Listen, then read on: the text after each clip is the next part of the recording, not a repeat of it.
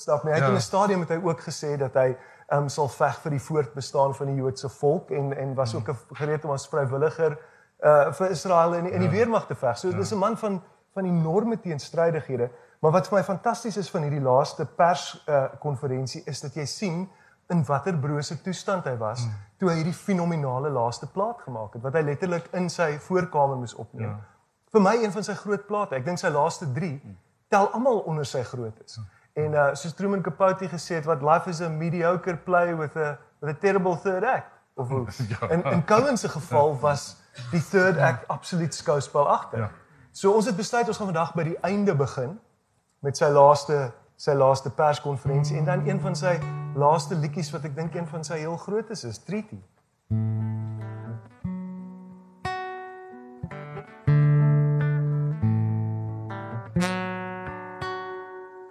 I've seen you change the water into wine. I've seen you change it back to water too. I sit here at your table every night. I try, but I just don't get high with you. I wish there was a treaty we could sign. I do not care who takes this bloody hill. Angry and I'm tired all the time. I wish there was a treaty. I wish there was a treaty between your love and mine. Are they dancing in the street? It's Jubilee. We sold ourselves for love, but now we're free. I'm so sorry for the ghost I made you be. Only one of us was real, and that was me. I haven't said a word since you've been gone. That Amy liar couldn't say as well. I just can't believe the static coming on. You were my ground, my safe and sound. You were my area. All the fields are crying out, it's Jubilee. We sold ourselves for love, but now we're free. I'm so sorry for the ghost I made you be. Only one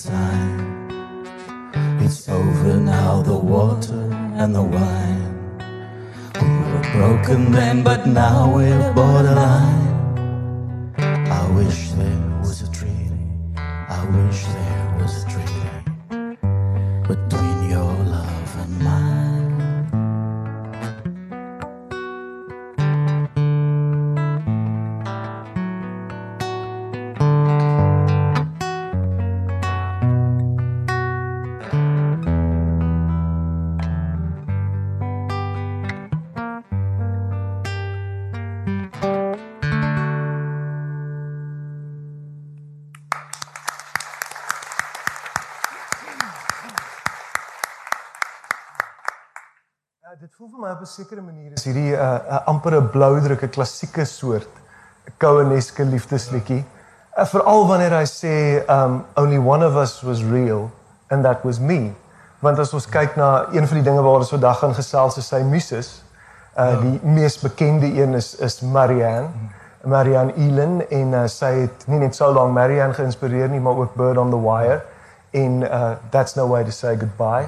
Bird on the Wire het Chris Christofferson gesê sal deeg vir sy grafsteen. Ek dink vir die vir die meeste mense sal sal sal dit uh, uh, doen. En ehm um, ja, en ek dink dan as ons aan aan Suzanne dink, Suzanne was ehm um, was iemand wat hy geken het. Dit was die vrou van 'n van 'n goeie vriend, 'n beeldhouer. Ja. En baie van die dinge in Suzanne. Ja, twee Suzannes, nee, die een Ja, dis Suzanne Elrod is weer met weer nou later twee kinders gehad. Ja, maar en dan die een die vrou van die vriend. Presies. Wat uh, wat wie hy duidelike eh uh, dalliance gehad het as jy ja. so kan noem. Sy en ja. hy beweer dat hulle nie met mekaar geslaap het nie. Maar glo jy hom? Ek weet nie wat ek stel dit so. Die stories check out. Hulle sê dit albei mense het later vir Suzanne gaan opsoek, maar wat vir my baie interessant is aan Suzanne is dat dat sy letterlik baie van die detail daarin, die tea and oranges, uh, watch the go boats go by, al daai dinge was waar sy gewoon het, het ja. in 'n soort van 'n industriële gedeelte naby aan die hawe. Die, tea and oranges is natuurlik 'n baie interessante een want almal het al die jare gedink dit gaan regtig oor tee en lemoene wat uit China uitkom, maar in die tussen is dit eintlik 'n Kanadese tee vervaardiger wat die idee gekry het om gewone tee te infuse met lemoene. Ja. En, en gesê dit kom van China. Draai, en dit gesê dit kom van China af, maar agterna erken dit kom nie regtig van China af. maar die wonderlike beeld het hy geoes vir sy liriek. Ja. En en en daarmee gee hy 'n dimensie daaraan wat eintlik heeltemal op 'n ander sfeer plaas. Maar dis die interessante ding is vir my dat in my adolessensie het ek gedink alles wat Cohen sê is metafore. Alles drup van die poësie, maar hy was regtig ja. By haar. Dit was die hawe. Ja. Hulle het daai tee gedrink, hulle het al goed gedoen ja. en tog bly die liedjie 'n totale misterie. En uh ja, blykbaar het hy en Suzanne baie lank nie kontak gehad nie. Hulle het al later gaan soek vir 'n Duitse dokumentêr en dinge het vir haar skeef geloop soos 'n danser word ja. en sy het in 'n stadium in 'n in 'n basies in 'n in 'n karavaan gebly. Ja. Sy gesê dit sou gaaf as sy al gewees het as sy al weer opgesoek het, maar uh hy het die liedjie gevat en only one of them was real. Al die was die ironie is natuurlik dat hy het nooit enige tantieme daai het verdien nie. O nee, daar was daar was een of ander bedrogspel gewees by die skep van die liedjie en hy het ook gesê dis heeltemal goed dat hy eintlik nooit daai iets gekry het nie. Want dit het hy natuurlik hier in die begin in die onderhoud ja, ook gesê dat ja. hy glo alles is maar net gegee ja. en jy sit daar na jou stempel op en sê is jou nou maar jy weet nie waar dit vandaan kom nie. Dan nee, ek weet ek weet jy uh, wil ook later iets oor Sisters of Mercy sê maar ek dink miskien is dan nou die regte tyd om om net te noem dat dit is ook 'n een, van daai liedjies wat presies wat jy sê 'n metaforiese element het. Sisters of Mercy is letterlik nonne. Oh. En dan gaan die liedjie eintlik oor twee ehm um, rylopers wat hy een hand opgelaai het en toe toegelaat het om by hom te oornag. Ek het die name ehm um, Barbara en Lorraine en uh, hy het die dag gaan sit en kyk hoe hulle slaap in die maanskyn. En toe die liedjie se woorde sê hy het hom net getref. Hy het die hele lirieke in one fell swoop geskryf. En uh ek dink jy gaan nou jy gaan daai hele analise van Dylan daarvan net net nou gee. Ja. Maar die hele die punt is dat hy uh, toe hierdie nonne ding gevat en vir hulle vir die twee vrouens die volgende oggend die hele liedjie gesing en hulle was skynbaar nie regtig beïndruk daarmee nie. Wel kyk, mens het baie lank gesê hy kan nie sing nie. Ja. En ons het nou by die einde begin, maar as ons teruggaan na die begin toe, was Koue nooit van plan om 'n liedjie skrywer te word nie. Hy nee. is baie ernstig opgeneem deur die Kanadese literêre establishment. Ja, hy, hy was 'n digter word. Ja. ja, en hy het um teen die tyd wat hy sy eerste plaat gemaak het in 67, ja. het hy reeds 3 romans en en 5 poesiebundels ja, op sy ja. kerfstok gehad. Maar hy het gesê dit het hom letterlik daartoe gelei dat hy byna ja, gesterf het van die ja. honger. So um hy het toe gesien ouens soos Dylan en so aan maak geld hiermee en John Hammond wat vir Billie Holiday ja. en vir Bob Dylan by Columbia ja. Records of vir hulle ontdek het, het ook vir uh, vir Leonard ja. Cohen gevat en later natuurlik vir Springsteen. Ja. So John Hammond het 'n ongelooflike uh, ja, 'n strykryk ja. gehad. Ja, maar miskien ek dink die ding van van Cohen is eers as ons dink aan Suzanne, Marianne, kry jy 'n spirituele dimensie waar waar uh, beelde uit die religie saamkom met ja. vroue en verlange. So moet ons miskien Wel, wel die ding is ja religie beslis want dit was maar eintlik sy een groot verwysingsfeer. Ja. Hy kom uit 'n ortodokse Joodse familie, so dit moet eintlik altyd iewers gaan hy terugkom daarbey. Maar die ding met vrouens was eintlik vir my baie interessanter want as jy nou as jy sy hele kanon deurgaan is daar's altyd 'n minnaar en 'n minnares. Of dit nou hy is of dit nou 'n denkbeeldige spreker is, maar dit gaan altyd oor menslike verhoudings in in ek kan maar net van my eie lewe vat hoeveel maal ek nie al gevoel het dat die man praat reguit met my en die emosie wat hy daar oordra is presies myne. Hmm. En die ge, die geneek natuurlik is net dit tref jou gewoonlik wanneer jy baie depressief is. Ja. En en en en dan en dan kan dit soms dimensies aanneem wat nie regtig lekker is nie. Ja. Maar vir my altyd was dan luister ek eers lekker want hy kry my altyd daar uit. Ja. Want daar's in die musiek ingebou iets aardskoons. Mm. In daai eenvoud is daar altyd iets reg, iets besonder. Mm. En en jy het nou verwys na die na die ehm um, die struktuur van Treaty en die feit dat dit ons terugvat na daai gitaar begin. Maar Treaty kom eintlik uit 'n tydperk toe hy al sy musiek gekomponeer het op 'n gewone Casio keyboard. Mm. Wat baie elementêr is en dan het hy die opnames vir Sharon Robinson gestuur uh om op te poleer dan stuur sy dit vir hom terug en dan sal hy begin lirieke daarvoor skryf. Mm. So hy het die musiek en sy het die musiek saam gedoen. Sy het uiteindelik meeste van die regte tegniese deel daarvan gedoen. Maar dit was nog elementêr en die rede hoekom hy dit gedoen het was hy het na daai various positions plaas van hom het hy gevoel dat hy eintlik klaar is met die gitaar. Dit werk nie regtig meer vir hom nie. En hy het 6 jaar stilte gehad en toe ontdek hy die Casio en toe kom I'm a man. Ja. En, en various positions ja. het Hallelujah opgelewer, ja. hè, en en uh, Dance Me to the End en of Love. En Hallelujah het geen merk gemaak op enige ja. iemand in daai tyd nie. Dit was eers John Cale dit in 91 ja. gesing en toe kom Jeff Buckley. En ek ja. dink Jeff Buckley het met Hallelujah gedoen min of meer wat Jimi Hendrix ja. vir Bob Dylan gedoen het met All Along the Watchtower, ja. want skielik wou mense weet wat hier aangaan. Ek ja. dink nou intussen is dit die een van die mees gecoverde liedjies in die popgeskiedenis. En dis hoekom ons besluit het om dit nie te doen nie. Ja, nee. Geen geen haleluja vandag nie. Maar ek en anders het voor die tyd gepraat, weet hoe lank lees ons nou al gediggies voor en donker kroegie speel jy gitaar en dan praat mense oor koue en dan kom almal. Ja. mense covers werk duidelik. maar dan ons gaan gou 'n bietjie terug na na na Cowan se se ouer huis toe. Hy hy kom uit 'n baie welgestelde familie. Hy sê dis geen oordrywing om te sê dat sy oupa um, die mees vername Jood in Kanada was nie. Sy sy oupa was 'n rabbi. Hy het baie Joodse vlugtelinge gehelp om so intoe gekom. So hy's hy, hy was is nooit ja. um, weet was nooit 'n uh, iemand wat gesê het hy kom uit die en hy was die stigter van die Jewish Canadian Congress. So dit is uh, ja, so idee. So so Cohen kom kom van geld af en dan is daar 'n in in Sylvie Simmons se pragtige biografie aan your man vertel sy iets wat ek dink nogal baie sê oor Cohen waar hy um dan as 'n adolescent uh, wil leer hoe om gehipnotiseer te word. en uh, hy hy koop dan uh, hy koop dan 'n uh, gids en dan probeer hy dit op die huishulp. Ehm um, en dan gebeur die volgende. It turned out that Leonard had a natural talent for mesmerism. Finding instant success with domestic animals, he moved on to the domestic staff, recruiting as his first human subject the family maid. At his direction, the young woman sat on the Chesterfield sofa. Leonard drew a chair alongside and, as the book instructed, told her in a slow, gentle voice to relax her muscles and look into his eyes. Picking up a pencil, he moved it slowly in front of her face, back and forth, back and forth, and succeeded in putting her in a trance. Disregarding, or depending on one's interpretation, following the author's directive that his teaching should be used only for educational purposes, Leonard instructed the maid to undress. What a moment it must have been for the adolescent Leonard. This successful fusion of arcane wisdom and sexual longing to sit beside a naked woman in his own home, convinced that he made this happen simply by talent, study, mastery of an art, and imposition of his will. When he found it difficult to awaken her, Leonard started to panic. He was terrified his mother might come home and catch them. Though one imagines this would have simply added a sense of impending doom, despair, and loss to the heady mix that would make it even more exquisitely Leonard Cohenesque. Chapter 2 of the Hypnotism Manual might have been written as career advice to the singer and performer Leonard would become. It cautioned against any appearance of levity and instructed your features should be set, firm and stern. Be quiet in all your actions. Let your voice grow lower, lower, till just above a whisper. Pause a moment or two. You will fail if you try to hurry. When Leonard recreated the episode in his 20s in the favorite game he wrote, He had never seen a woman so naked. He was astonished, happy, and frightened before all the spiritual authorities of the universe.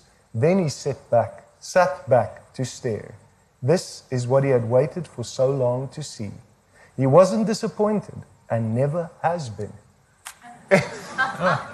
Ja, Vir my voel dit- wel, mense kan jy dit inprent, maar jy weet later in in in the future, sy een van sy latere plate is daar in een van die snitte die wonderlike beskrywing van die man wat kniel voor die kaal vrou. En dan kyk hy na die delta, the beginning of the alpha and the omega. Weet dit is die reels daar. Dit- Hy het dit tot om eindtyd gefassineer. Maar kyk ons ons het nou laas het ons verlede jaar het ons oor Dylan gepraat en en daar's baie mense wat verlede jaar vir ons kom sê het maar moes Dylan nie die die Nobelprys gewen het nie. Ja. En en ek dink ons het verlede jaar Cohen self het gesê as as ek Matisse was was was Dylan Picasso. Ons wil nie verder daaroor stry nie, maar ek dink ek dink Cohen is baie meer sexy as Dylan. Nie waar nie? Dink jy nie daar's 'n Ja. baie baie meer erotiese elemente nie Ja, net nee, as persoon nie, maar in terme van wat sy stem aan mense doen Al die en ding daar's 'n paar goed. Sy stem het langer gehou. Mm. Dylan se sangstem is nie regtig meer iets Ja, besonders nie. Maar wat hy ook wat hy ook reg gekry het is hy het- hy het homself herskep toe hy nou daar van die uh boeddhistiese monastery afkom van die berg en hy moet weer konserte hou. Het hy baie lank geoefen en presies die ding uitgewerk.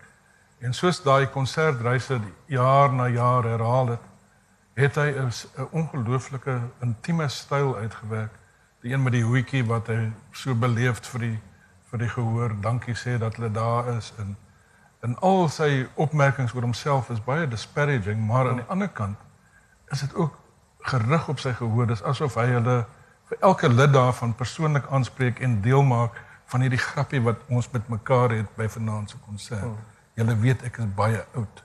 ja, ja, En dan gaan hy aan en hy gee 'n 3 uur lange konsert wat jy kan nie glo wat daai man doen nie. ja. So jy weet dit is al daai kontraste in sy in sy handel en wandel wat Wel, niemand speel Leonard Cohen soos Leonard Cohen nie, maar hy het eers baie later in sy lewe daarmee gemaklik geraak. Ja. Aan aanvanklik was hy het hy verskriklik met um met met met angs uh, gestoei. Ja. Judy Collins het sy eerste liedjies opgeneem. Sy het hom probeer oorreed om Suzanne te sing en hy het in die helfte van die liedjie opgehou, eers weer gevlug, later teruggekom. Later in Israel het hy het hy heeltemal van die verhoog af gegaan en hy het eintlik hierdie fantasie gehad dat dat hy net sy liedjies in die ateljee kan opneem en dat dit dan sal verkoop en dat hy nie hoef op te tree nie. So die wonderlike ding is as hy as hy 'n uh, uh, rekenmeester hom nie verneek het nie, dan het ons waarskynlik nie een van die mees skouspelagtige comebacks in popmusiek beleef maar nie. da, maar dan ja, daar's 'n ander dimensie ook wat ek dink ons net miskien moet noem. En dit is dat dat Cohen se hele loopbaan is gekenmerk deur redelike eksperimentering met wat 'n mens sou ligweg kon noem recreational drugs. Oh. En daar's 'n ongelooflike konsert wat ek en Andries net net bespreek het oor voor die tyd wat uh, um I love Isle of Isle of Wight. Wight. I love White Yeah. waar hy uh, waar daar geweldige nonsens in die gehoor was. Hy gehoor het begin om die heininge af te breek en verniet ingestroom en dit was regtig net chaos. So sy optrede het later en later geword. En hy was in daai jare het hy Mandrax gebruik. Mm. So het hom Captain Mandrax hy, Ja, hy was baie stadig geweest en hy het in die stadigheid van hom het hy daan geslaag om die gehoor aan te spreek en te kalmeer en toe een van die langste ooit weergawe van So Long Marianne gesing. Wat daar's opnames daarvan en as 'n mens dit hoor dan kan jy nie glo dat dit so stadig gaan nie. En die gehoor was mal daaroor. So hy het kon in enige situasie kon hy met sy persoonlikheid en Daai da- mesmerism. en daai absolute bekoring en amper heilige geheimsinnigheid van die musiek Ja. en die lirieke het hy mense tot bedaring gebring.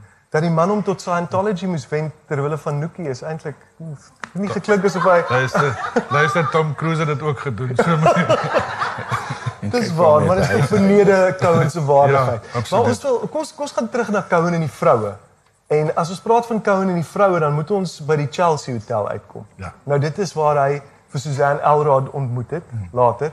Dis waar 'n klomp boheemse karakters uh, in die in die 60s hulle hulle tuis gemaak het. En uh die wonderlike storie met die Chelsea Hotel is is dit gaan natuurlik oor Janis Joplin, maar dit illustreer ook hoe Cohen uh, gespeel het met die met die feite. Aanvanklik het hy gesê dat ehm um, wel sy was daai tyd saam met Chris Christofferson en sy hulle hulle was hy het hom gesoek. Ja, wel kyk maar daar's twee weergawe. Die eerste een is Hulle gaan in die in die in die huispak in en hy sê wel ek was op soek na sy was op soek na Chris Christoffers en ek na Bridget Bardot and uh, with the process of elimination we ended up together. Later het hy gesê toe sy vir hom sê she's looking for Chris Christoffers en hy gesê well you're in luck. I am Chris Christofferson. exactly. And those were generous times. en uh dit het dan gelei tot ja. uh waarskynlik die wat die mees beroemde filletasies en so dit. Ja. En uh in die popgeskiedenis. Ja, inderdaad. So uh, miskien moet ons luister dan. Na na Chelsea Hotel nommer 2. Ek wil net gou ek het um, hierso 'n paar foto's wat ons in die agtergrond kan wys. So ons maak so 'n klein tipe van 'n 'n tuisgemaakte musiekvideo. Ek wil net kyk wanneer hierdie storie weer aan die gang kom. Ek wil die regte een hier wys. Ek gaan net so lank aan die gang sit. Dan gaan ons vir Janis Joplin ook 'n bietjie daar sien saam met een of twee. Nou wil ek net die klank afsit. Daar's hy. So nou het jy nou het 'n musiekvideo.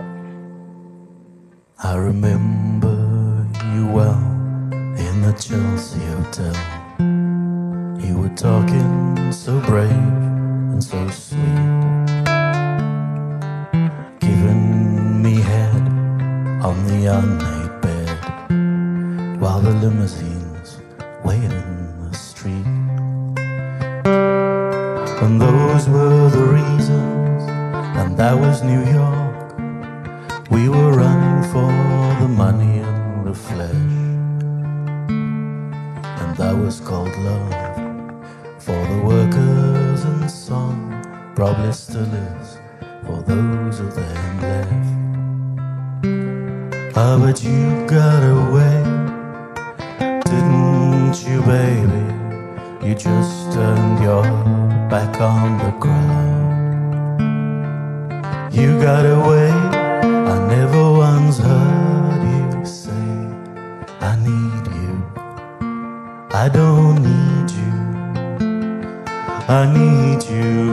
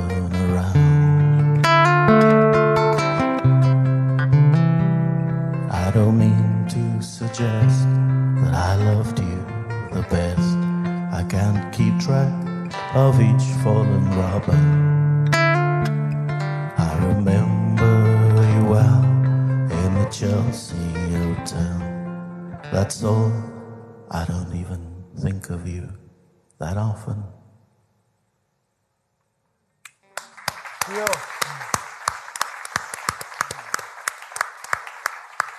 Nou, twee goed oor die Chelsea Hotel. Toe ek jonk was, het ek gedink dit is ongelooflik cool om saam met Janis Joplin aan te spandeer en dan sê hy I don't mean to suggest that I loved you the best. I can't keep track of each falling robin. You know, I remember you well in the Chelsea Hotel. That's all. I don't think of you that often. So ek het gedoog, wel ek kan bly wees soos oorlede, want want dit is erg, maar dan wat is hierdie storie met um we are ugly but we have the music? Ek bedoel sy was miskien Ek uh, sê onkonvensioneel, maar Cohen was tog konvensioneel. Dani, daar's 'n pragtige dokumentêr oor Janis Joplin wat onlangs uitgekom het. En as student by die Universiteit van Texas het een van die van die manlike uh koshuise of wat ook al hulle genoem word, nê, Kappa whatever Delta of so. Oh. Het haar aangewys as die lelikste man op kampus. So ehm um, en ek ek dink dis nogal ongelooflik wreed en en dit was 'n tema in haar lewe oor haar onkonvensionele hoe sy gelyk het. So ek dink dis dalk waarna hy verwys daar. Ja, maar onthou sy sê ook she you told me again you preferred handsome men. Wat voor- Wat ja. so takedown is Ja dit? ja ja. Maar nou dat ons Andries um, wat ek nou gewonder het, ons het nou al 'n hele klompie jeugberade saam gedoen en aan die einde van die jeugberade dan haal jy altyd jou kitaar uit en dan word die jong mense geïndoktrineer met 'n uh, Koos Kombuis en en 'n bietjie Koos Doep en Leonard Cohen. Nou, watter een het jou laat begin? En waar het jy begin? Met musiek. Ja, was dit wat ek Dis dink 'n is kombinasie van Andrei Latoy en Leonard Cohen. En um ek het op ver van die ou Kalahari leer gitaar speel en dit het my nog altyd teruggehou. Um, want Koos sê mos daai ken net 5 chords and I'm sorry but that's where I also got stuck. So julle hoor waarskynlik die gitaar is nie te uh is my uitvoering is nie te ek hoop die gevoel maak op daarvoor. gevoel. Maar in Koos Du Plessis het ek mee groot geword en ek dink nog altyd ook aan aan Hulle Koos. Du Plessis en en Leonard Cohen saam as 'n tipe van 'n 'n gesprek tussen die internasionale een en die plaaslike een. Alhoewel Koos Du Plessis se grootste held Chris Christofferson was, interessant Mm. genoeg. Hy het Ja. baie Chris Christofferson geluister. They they plummeted the depths. Maar ehm um, Wel die interessante ding is natuurlik is my mikrofoon nog aan. ja, ek dink hy is. Ja. Ehm hy al drie van hulle het 'n sterk religieuse inslag in meeste van hulle musiek. Ehm by Koos kom daai weemoed, daai sterk onderlaag van weemoed baie sterker deur. Christofferson het weer meer vreugde en amper bu- buitende dinge daarbey in Cohen natuurlik. Hmm. Het die het die groot spirituele tafereel wat hy teen sy liefdesverhale uitspin. En uh hmm. ek dink nie Koos kom by Hy het, hy het ook 'n worsteling met met, Ja. met God en godsdienst ja. en dit is ook nogal 'n tema in in sy ek dink miskien sy romans en sy digkuns ja. meer as die Maar ja. kulturings van klein dorpies. Kom ons kom ons kom terug by die by die net 'n paar chords, né? Nee? Ek dink die die konvensionele wysheid oor Cohen is dat hy 'n fantastiese liriekskrywer is. Toe toe Lou Reed hom in die uh, rock and roll Hall of Fame om om ja. om uh, in ingelei het, het hy gesê, uh, you know, he wasn't rock and roll by any stretch of the stretch of the imagination, but what a lyricist. Ja. En toe het hy aangegaan daaroor en ek dink dis dis soort van wat ons half dink, jy weet dat as jy Koos Kombuis kan speel, dan kan jy Leonard Cohen ook speel. Mm. Maar ehm um, Dylan wat natuurlik eintlik baie selde duidelik ja. antwoord, het wel toe David Remnick van die New Yorker hom vra wat hy dink van Cohen, 'n baie helder en duidelik geantwoord. Ehm um, maar Cohen vertel ook dat hy en Dylan 'n gesprek gehad het.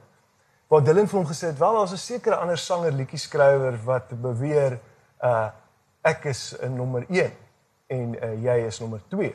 Sê maar dis nie waar nie. Jy is nommer 1. Ek is nommer 0.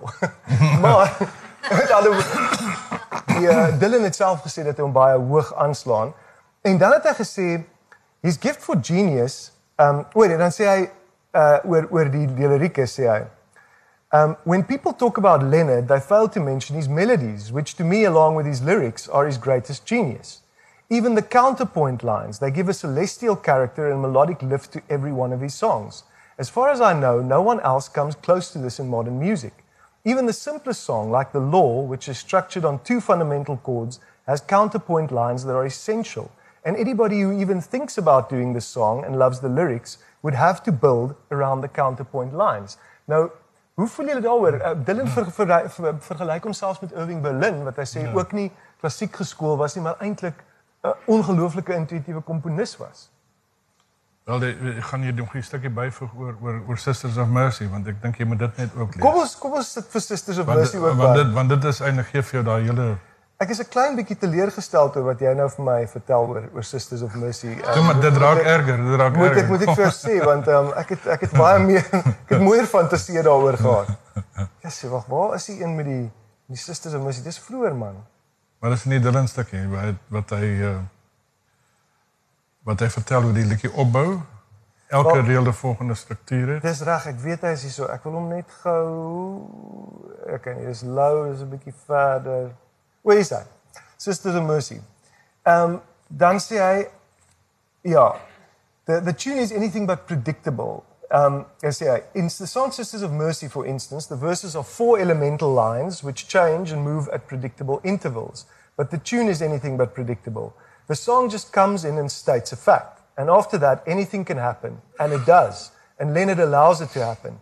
His tone is far from condescending or mocking. He's a tough minded lover who doesn't recognize the brush off. Leonard's always above it all. Sisters of Mercy is verse after verse of four distinctive lines in perfect meter with no chorus, quivering with drama. The first line begins in a minor key, the second line goes from minor to major and steps up and changes melody and variation.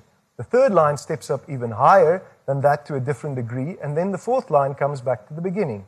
This is a deceptively unusual musical theme, with or without lyrics, but it's so subtle a listener doesn't realize he's been taken on a musical journey and dropped off somewhere with or without lyrics.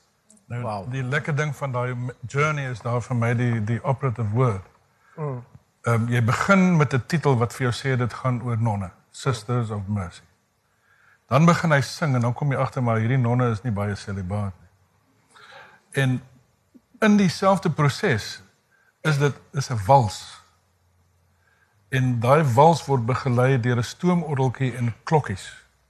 So dit daai hele reis deur die sneeu, daai klankelement wat jy kry, die klisjées uit al die kersliedjies wat elke jaar kom met al die klokkies en die stoomorgeltjies.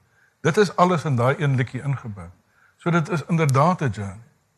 Maar dit is ook 'n journey na kennis toe en dit is uiteindelik dan nie. Ja. 'n Pragtige liedjie. Ja, dit is een van my groot gunstelinge, maar ja, ek het dit nooit die nonne, ja. in elk geval is is ons al gereed om om na Marianne toe te gaan of of nog nie heeltemal nie.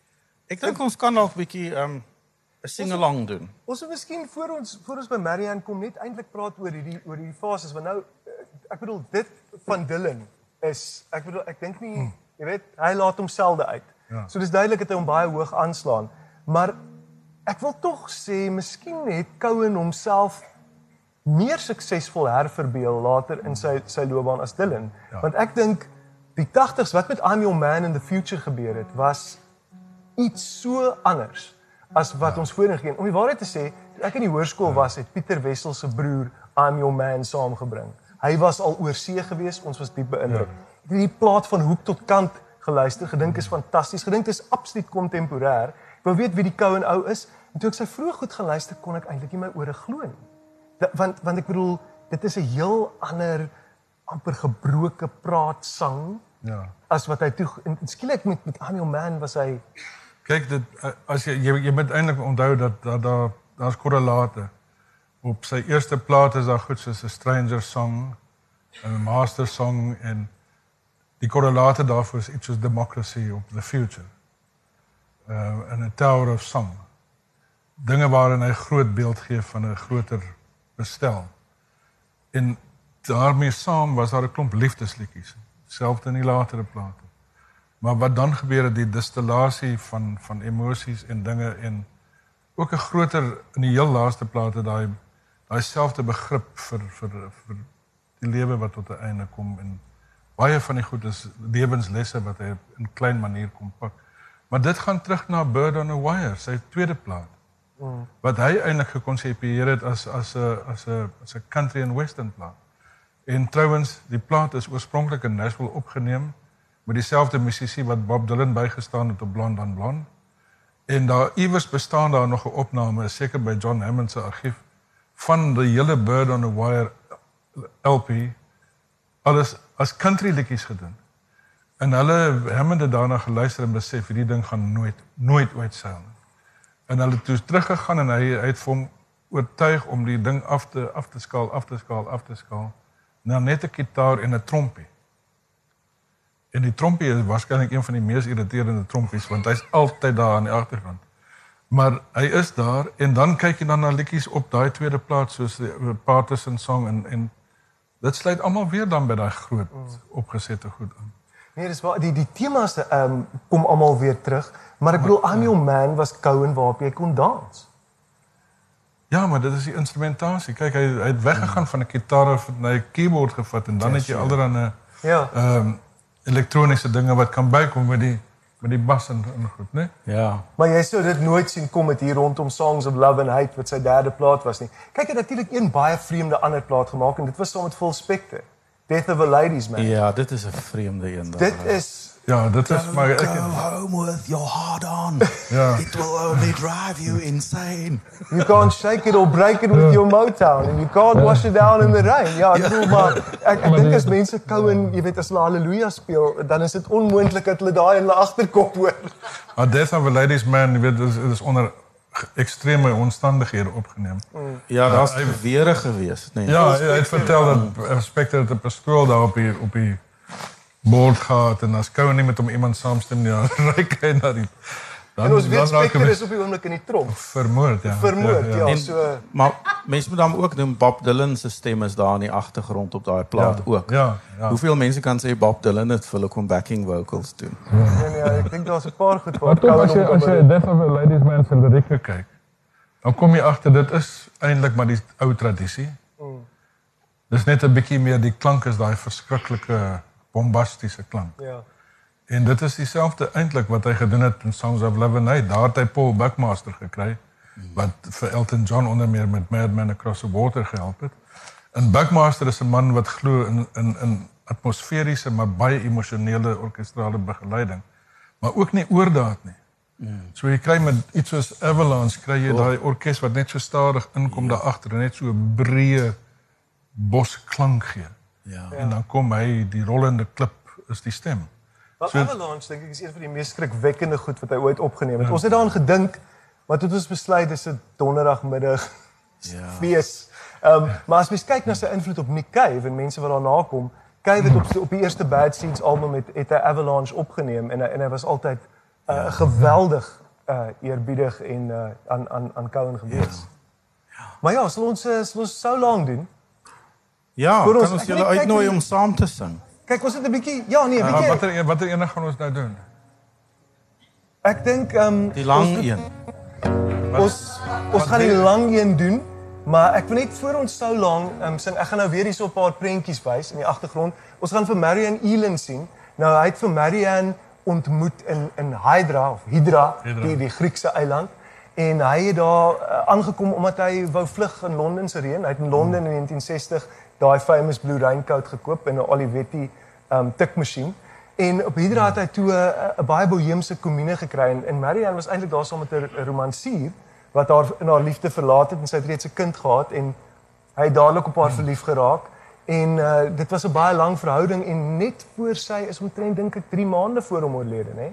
Mm, Was daar 'n pragtige brief toe wat hy wat hy aan haar geskryf het en gesê het hy hy ja, as sy as sy kan hom as haar hand uitreik, is hy daar. Hy's hy's hy's net agter haar. So hulle het lewenslang kontak gehou, maar hier gaan 'n mens die jong Marianne sien en die ou Marianne terwyl ja, julle vir Marianne groet.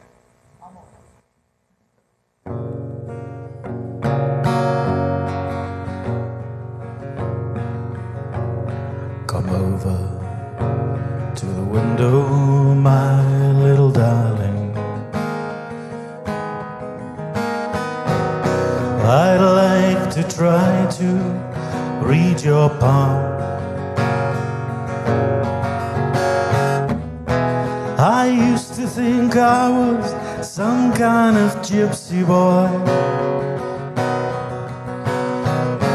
Before I let you take me home. Now so long,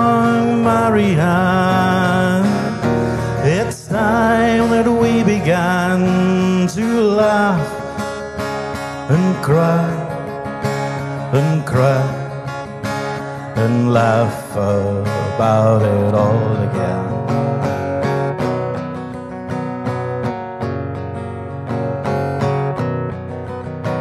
Well, you know that I'd love to live with you. But you make me forget so very much. I forget to pray for the angels. And then the angels forget to pray for us. Now, so long, Marianne.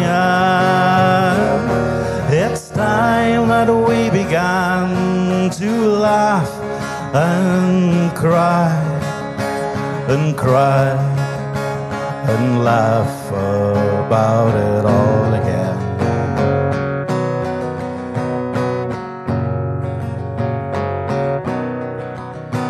We met when we were almost young. Deep in the green lilac park.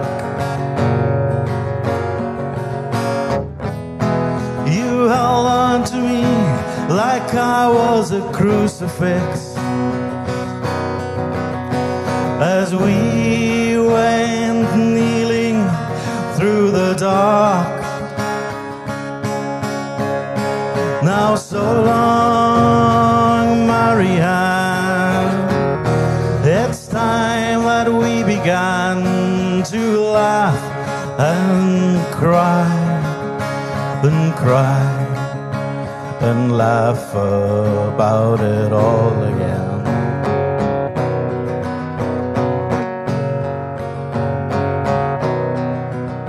Your letters, they'll say that you're beside me now. Then why do I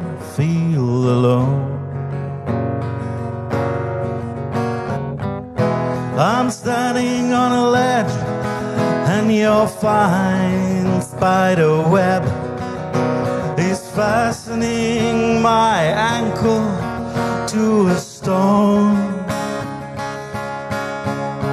Now, so long, Marianne. It's time we began to laugh and cry and cry and laugh about it all again.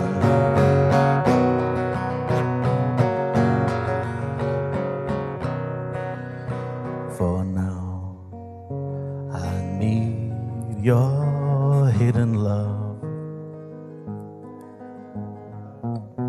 I'm cold as a new razor blade. You left when I told you I was curious. I never said that I was brave. Now, so long, Marianne. It's time that we began to laugh and cry and cry and laugh about it all again.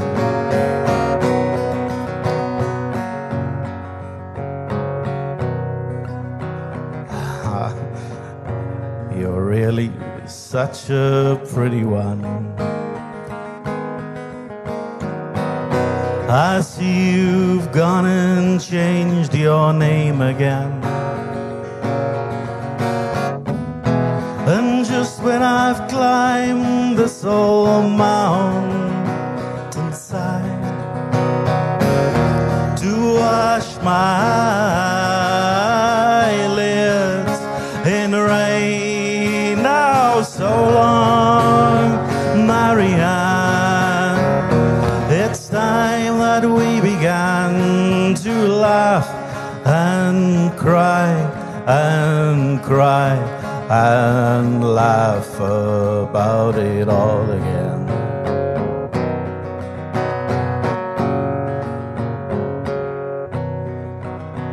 Your eyes, how can I forget your eyes?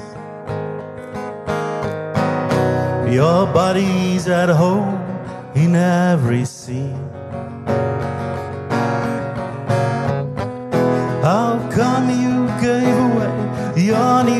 Everyone?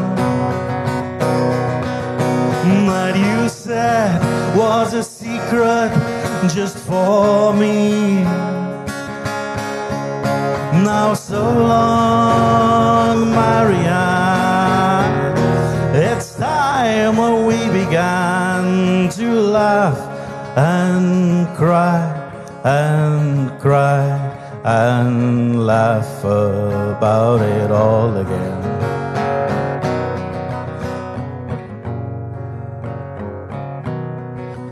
If you leave, where will I keep you then? In my heart, as some men say. But I was born to love everyone. Why should I keep you so far away? So long, Marianne. It's time that we began to laugh and cry and cry and laugh about it all again.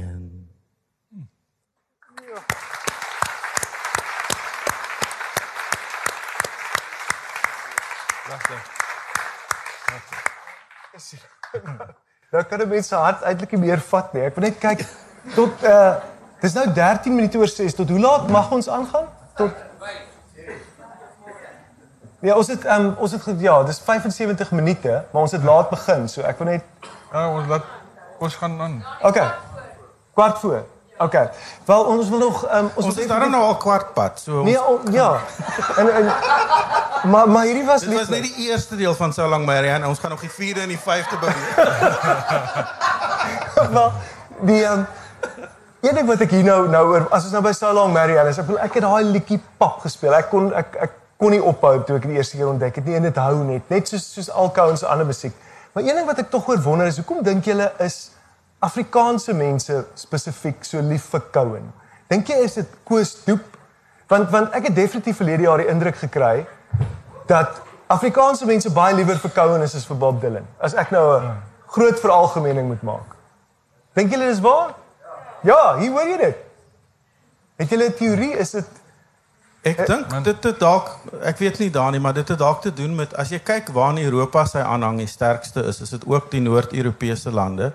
En dis miskien die Calvinistiese en Luteraanse invloed. Uh wat 'n tipe van 'n diep 'n diep worsteling met skuld en met um met um 'n 'n verlange ja. het. 'n Daai kombinasie van heimwee en in in skuld. En miskien on, 'n onderdrukte seksualiteit dalk wat um, Daarso ja, ek weet Wel Couen het nie so lank onderdruk nie, maar ek vermoed hy het sy hele lewe lank jammer gevoel dat hy die huishulp laat omkleed en 'n hele lewe lank ook lekker gekry daaroor. Hy hy dink hy het dit gedoen, maar wie sê sy was onder hipnose? Wat van wat van haar agentskap in hierdie storie?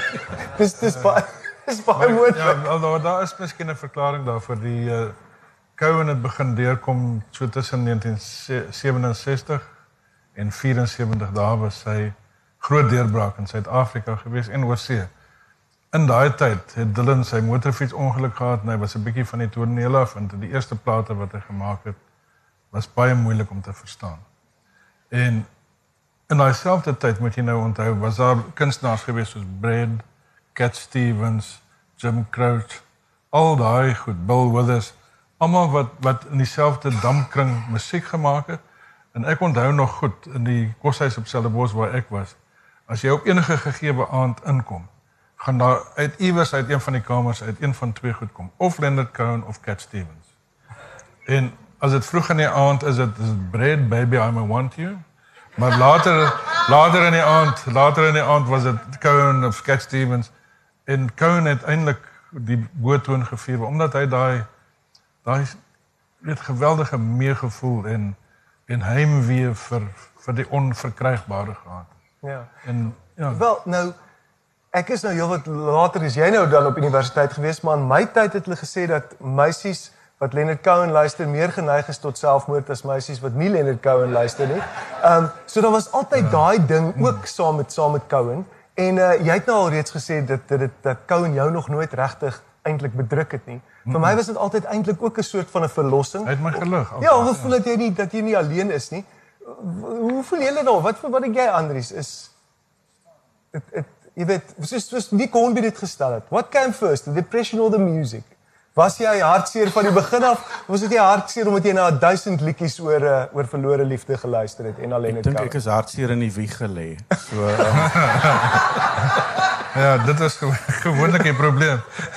ja, wel kyk 'n interessante ding met Cohen ook is dat hy in Amerika aanvanklik, um, Judy Collins het 'n paar treffers gehad, maar uh, dit is baie vinnig so gewees dat Brittanje byvoorbeeld toe sy derde plaat Songs of Love and Hate was top 5 in Engeland en in wow. Amerika kon dit nie eers die top 100 haal nie. Amerikaners het mm. het hulle rug op hom gedraai. ja.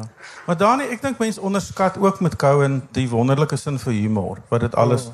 onder lê. Ek meen hoeveel mense is daar wat dit kan afpoel om te sing I was born like this. I had no choice. I was born with the gift of a golden voice. Ja, ja. Ja, I mean, hy het- hy het saam met sy saam met die verlange kom 'n wonderlike wonderlike sin vir ironie en selfironie.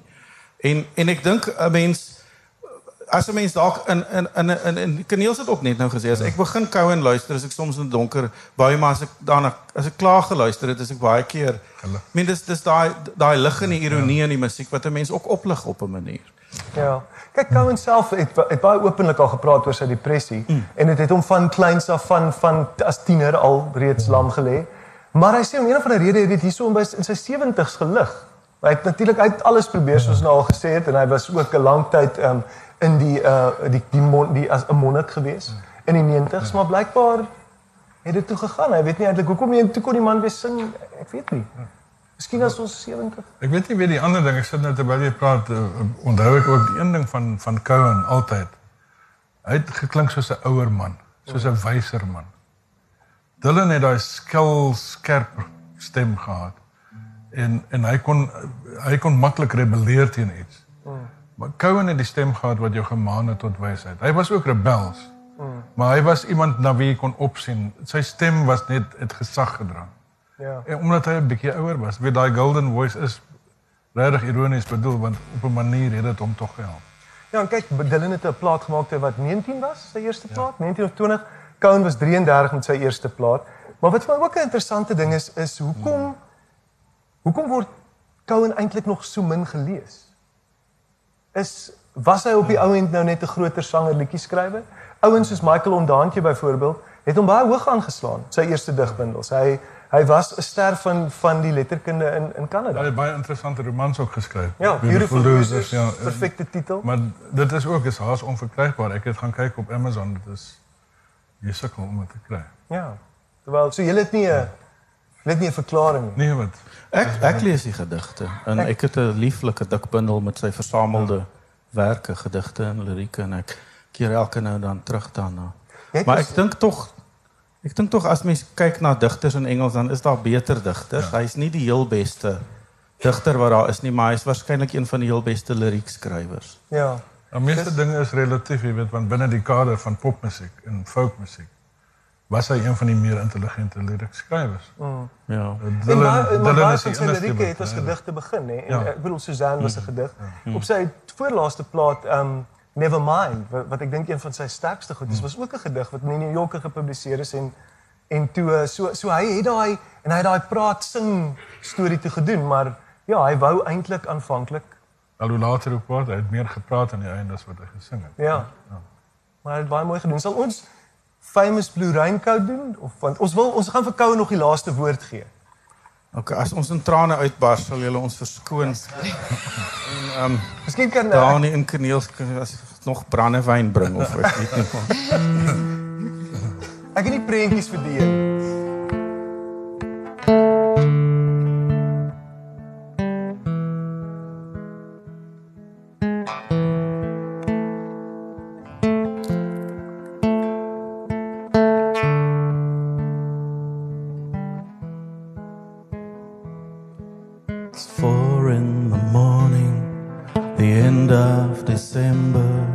I'm writing you now just to see if you're better. New York is cold, but I like where I'm living. There's music on Clinton Street all through the evening. I hear that you're building your little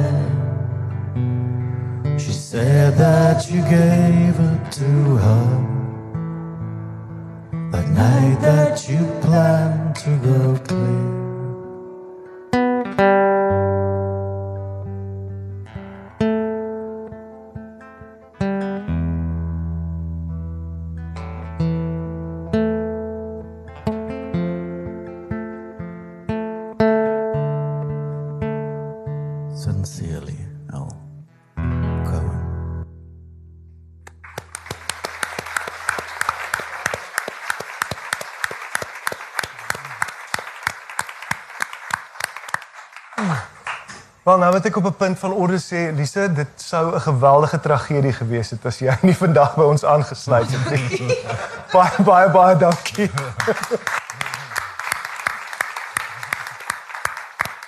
um, ons kan net nie Cohen ook doen sonder vroue stemme nie. Dit was uh, Daar's 'n wonderlike daai net voor Cohen oorlede is 'n David Remnike ding gedoen met hom uh, oor hom geskryf in die New Yorker. En hy het ook vertel van die invloed wat hy op Susan Vega gehad het. Nou Susan Vega het die storie vertel dat hy so hom een keer gesien het by 'n hotel en hy het 'n nuwe liedjie vir haar gesing en terwyl hy besig was om te sing, het heel toevallig vyf gaste in bikinis um agter hulle in beweeg en gaan lê op sonstoele. En uh toe sy dit aan aan Leonard uitwys het gesê ja, dit gebeur elke keer. so, so ja, wel ek dink nou is dit amper tyd om te groet. Um voor ons dit voor ons dit doen en vir Kou in die laaste woord gee, moet miskien mos hom net vra as jy dan nou moet kies. Die drie grootstes, die drie grootste Kou en liedjies. Ek weet nie dat roof eers Andries, Vir my sou dit Famous Blue Raincoat wees. Ek is absoluut gek oor Avalanche. Avalanche. Ehm um, en ek dink miskien dit wissel vir my, maar daar daar's net een plek waar daar so weet van vroue stemme gepraat maar in in take this longing from my tongue. Kom daar net so stem in en en ek wil dit ek wil dit oor en All the oor useless luister. things these hands have done. Ja. Let me see your beauty broken down. En dan kom my stem in like you would do for one you love. Ja. Ek het uh, ou weer van the guest. Mhm. Ehm bunch of old lonesome what bunch of lonesome heroes op die tweede Mhm. plaat. En dan hey that's no way to say goodbye. Hey, that's no way to say goodbye. Ja, maar daar ehm um, ja, ek kan nie uh, dit dit is vir eintlik amper te intiem om oor te gesels, maar die Sleepy Golden Storm was Marion Elan wat ons gesien het. Lisa, wat sê jy? Ek is definitief famous Blue Raincoat bly nog altyd my gunsteling. Dis hoekom ek huil nog steeds as mes dit hoor. Of as jy dit sing? Ja. Maar so niks kom vir jou naby nie. Dis Dit is vir my absoluut nommer 1, ja. Nee, toe as toe, ek- toe ek hoor ons gaan dit vandag doen, toe um, was my eerste woorde goed, maar dan gaan ek huil, dan gaan ons 'n probleem hê. So ja. Wel, maar daar's so baie, ja. Ek moes net voor jy sê uh, daai plaat Songs of Love and Hate Ja. Bevat Avalanche, Ja. Dress Rehearsal Rag, Joan of Arc. Ja. Dis 'n lieflike plaat daar. Dis ongelooflik en Oh, famous Dress Rehearsal. Rag. Oh, Ja, dis donker. Dis rehearsal rag is te erg. Ja. Ja. Cohen het gesê it's not a song I've written, it's a song I've suffered. Ja. En daar is nou letterlik skeermeslemme en so Ja. aan te Jo, daar's mooi live weergawe daarvan. Wat hy Ja. net met het gitaar gesien. doen. Wow. Wel, die, die vreemde ding is ek het um, altyd gedink dit sal van die vroeë Cohen wees. Hmm. Maar toe hy nou oorlede is, toe speel ek nou 'n klomp van die goed oor en oor en toe besef ek ek is verskriklik lief vir daai I'm Your Man album. En everybody knows Ek het nou eendag saam met die kinders Justice League gekyk en daar sing 'n nuwe vroue stem. Everybody knows. Dis absoluut verpletterend. En Ek dink in dis terme ook van Sharon Robinson saam met hom, né? Ja, Dis die twee van hulle. En dan Tower of Song. ja. Tower of Song in Last Year's Man. The skylight is like a skin on a drum I'll never mend. And the rain keeps falling down. Dit uh, ja, dit is vir my 'n vernietigende een, maar dit, sal moeilik wees as jy nou laaste speelhuisie moet maak. Uiteindelik maar almal. Ja, maar ek dink wat wonderlik is van Tower of Song, nou dat ons dat dinge nou na 'n einde te beweeg, is dat hy daarin oor liedjies skryf, oor liedjies skryf, oor homself en nogtans net 'n 'n 'n liedjie wat jy nie kan vergeet nie. Ja, soos ek neem ons kan nie vra en sulke nie, ons moet nou maar Ja, ek dink ons moet maar maar klaarmaak. So, ons gaan eindig waar Cohen ehm um, toe uh, 'n lid word van die die Rock and Roll Hall of Fame. En en wat baie interessant is is dat die dat die man wat hom wat hom uh, hulle sê induction, ek weet nie regtig lekker wat die uh, sê maar ingelei. wat hom ingelei of ingelyf het was Lou Reed. Nou een van die min vroue wat lyk my vir wat vir Cohen die koue skouer gegee het was Nico van die Velvet Underground. Ja. Die fam vertaal van die Velvet Underground. Hy het 'n tyd lank hulle in die 60's geken in New York. Ander vrou wat net kortstondig van hom gehou het was Joni Mitchell. Sy het glo later het sy hom 'n 'n boudoir poet Ja, genoem. ja, maar sy het kortstondig van meeste mans. Dis ja, ek dink jy kan moet dit so so persoonlik opneem nie. Maar wat baie interessant is is dat Lou Reed Ek en dit is vandag nasionale vrouedag, is dit nie? Eindste, ja, nee, dit het mooi gedoen. Ja, maar dit was 'n fout paar daai. Wel, um, dit wat vir my interessant is is dat Lou Reed en dit is nou maar net wat ek en Corneels van 'n goeie kinderstorie ensovoorts ook al, maar vir my interessant is dat hulle Lou Reed gekies het want ek dink as jy die geskiedenis van popmusiek neem en jy neem die twee mees ikoniese voorbeelde van fellatio. Mm. Giving me it on the unmade bed is it Leonard Cohen en Lou Reed was Walk on the Wild Side. She never lost her head even when she was giving in. En ek verstaan nie of daar enige eh, dit deur iemand se kop gegaan het nie. Voor ons nou Lou Reed begin doen hierso. Um, kom ons kyk na wat Cohen toe gedoen het. Toe Lou Reed nou sê, hier is die man wat die um, wat nou die nuutste lid is van die Rock and Roll Hall of Fame. Nou moet ons weer klank hê. El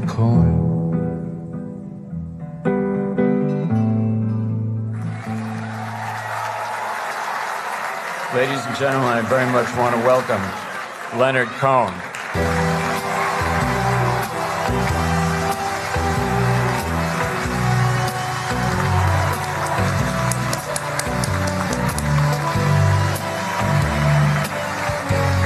This is a very unlikely occasion for me.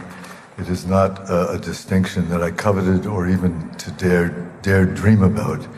So uh, I, am reminded of. Uh, the prophetic statement of of uh, John Landau in the early 70s. He said, uh, "I have seen the future of rock and roll, and it is not Leonard Cohen." Nou die man wat daar lag is John Landau en ons wil hierdie geleentheid gebruik om te sê Almarie Rautenbach het gesê ons moet volgende jaar Bruce Springsteen behandel want John Landau het dit gesê van Bruce Springsteen. Feature rock and roll is Bruce Springsteen. Maar ehm um, ja, nou gaan ons die laaste woord aan Leonard Cohen gee. Hy het nie 'n toespraak voorberei nie. Hy doen nou die volgende.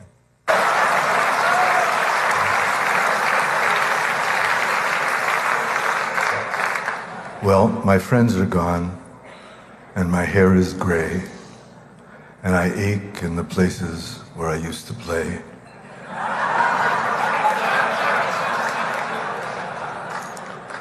And I'm hungry for love, but I'm not coming on.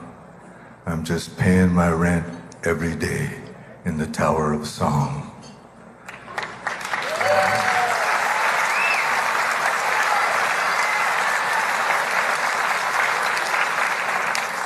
I said to Hank Williams, How lonely does it get?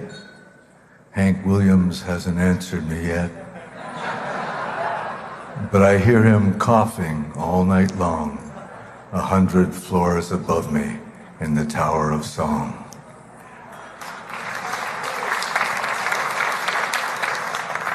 I was born like this. I had no choice. I was born with the gift of a golden voice. and 27 angels from the great beyond. They tied me to this table right here in the Tower of Song. So you can stick your little pins in that voodoo doll. I'm very sorry, baby. Doesn't look like me at all. I'm standing by the window where the light is strong. They don't let a woman kill you in the Tower of Song. Now you can say that I've grown bitter, but of this you may be sure. The rich have got their channels in the bedrooms of the poor, and there's a mighty judgment coming. But I may be wrong. You see, you hear these funny voices in the Tower of Song. So I bid you farewell. I don't know when I'll be back. They're moving us tomorrow to that tower down the track. But you'll be hearing from me, baby. Long after I'm gone, I'll be speaking to you sweetly from my window in the Tower of Song. Thank you, Frank.